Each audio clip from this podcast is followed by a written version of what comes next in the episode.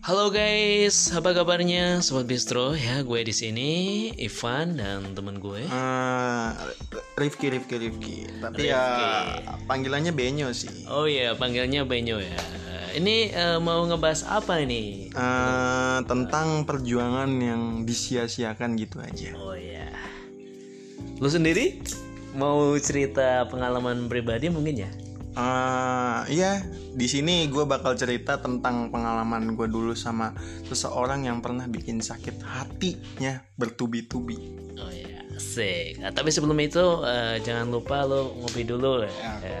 Yang pahit, yang ya pokoknya gini deh. eh, eh, gue di sini sebelum ngedampingin lo nih, ngedengerin curhatan lo, curcol lo, ya terserah lah itu ya.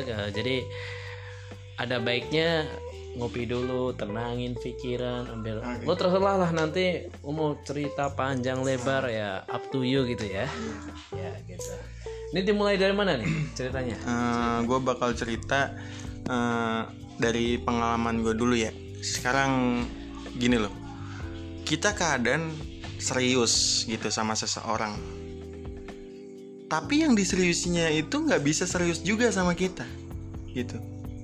Bahkan gue nggak ngalamin satu kali doang dengan orang yang sama. Bahkan selama 2 tahun itu gue ngerasain gue tuh nggak dapet apa sih kasih sayang men. Gue cuman dapet penyesalan kehancuran doang. Seakan-akan dia bisa bikin gue nyaman terus dia pergi gitu aja. Sedangkan ibaratkan dia bisa bawa gue ke awang-awang dan setelah itu dia seenak jidatnya sendiri jatuhin gue ke permukaan bumi men itu sakitnya minta ampun itu pengalaman gue yang bener-bener gue masih ingat sama dia Oh ya. eh, terus nih eh, lo ke depannya gimana nih guys? Ya. Gimana nih? Udah Eh, ke depannya? ke depannya soal apa dulu nih soal yang Ya soal eh, soal tadi nih soal kan udah ditinggalin, udah sayangnya tuh udah kebangetan gitu loh. Tapi masih aja tega kayak gitu gitu. Gue juga heran eh, cewek seperti apa yang eh, tega-teganya nyakitin lo gitu sebagai sahabat gue di sini. mungkin ke depannya gue ya sekarang mah emang sendiri sih apa pengennya sendiri dulu sih belum ada pikiran buat eh, pacaran dulu atau ya ke jenjang serius gitu gue gimana ya sekarang gue ngerasain ya bukannya nggak mau apa bukannya gue nggak mau kenal cinta lagi. Capek yang namanya kenal terus nyaman. Ujung-ujungnya pacaran terus ditinggal. Gue capek di fase itu makanya gue sekarang mikirnya ke depan tuh ya mau sendiri dulu mau fokus karir gue dulu Eh, tentang cinta ya belakangan lah. Insya Allah misalkan kalau ada jodohnya pasti datang sendiri kok Oh ya, Eh, ini berdasarkan cerita lo ya. Jadi eh, tips dari lo nih yang udah ngalamin kayak gitu, udah ngalamin ya fase-fase eh, kayak gitulah, fase-fase sulit kayak gitu. Tips dari lo gimana untuk untuk eh, generasi milenial zaman now lah? Ya, gue gitu, cuman minta apa nitip saran doang sih buat orang-orang yang lagi ngejalanin hubungan orang yang lagi ngejalanin hubungan LDR atau ya lagi kangen-kangen atau apa. Gue cuma nitip saran lu boleh sayang sama pasangan lu tapi jangan percaya 100% gitu. Karena lu belum tahu sesungguhnya kayak gimana rasa sayangnya.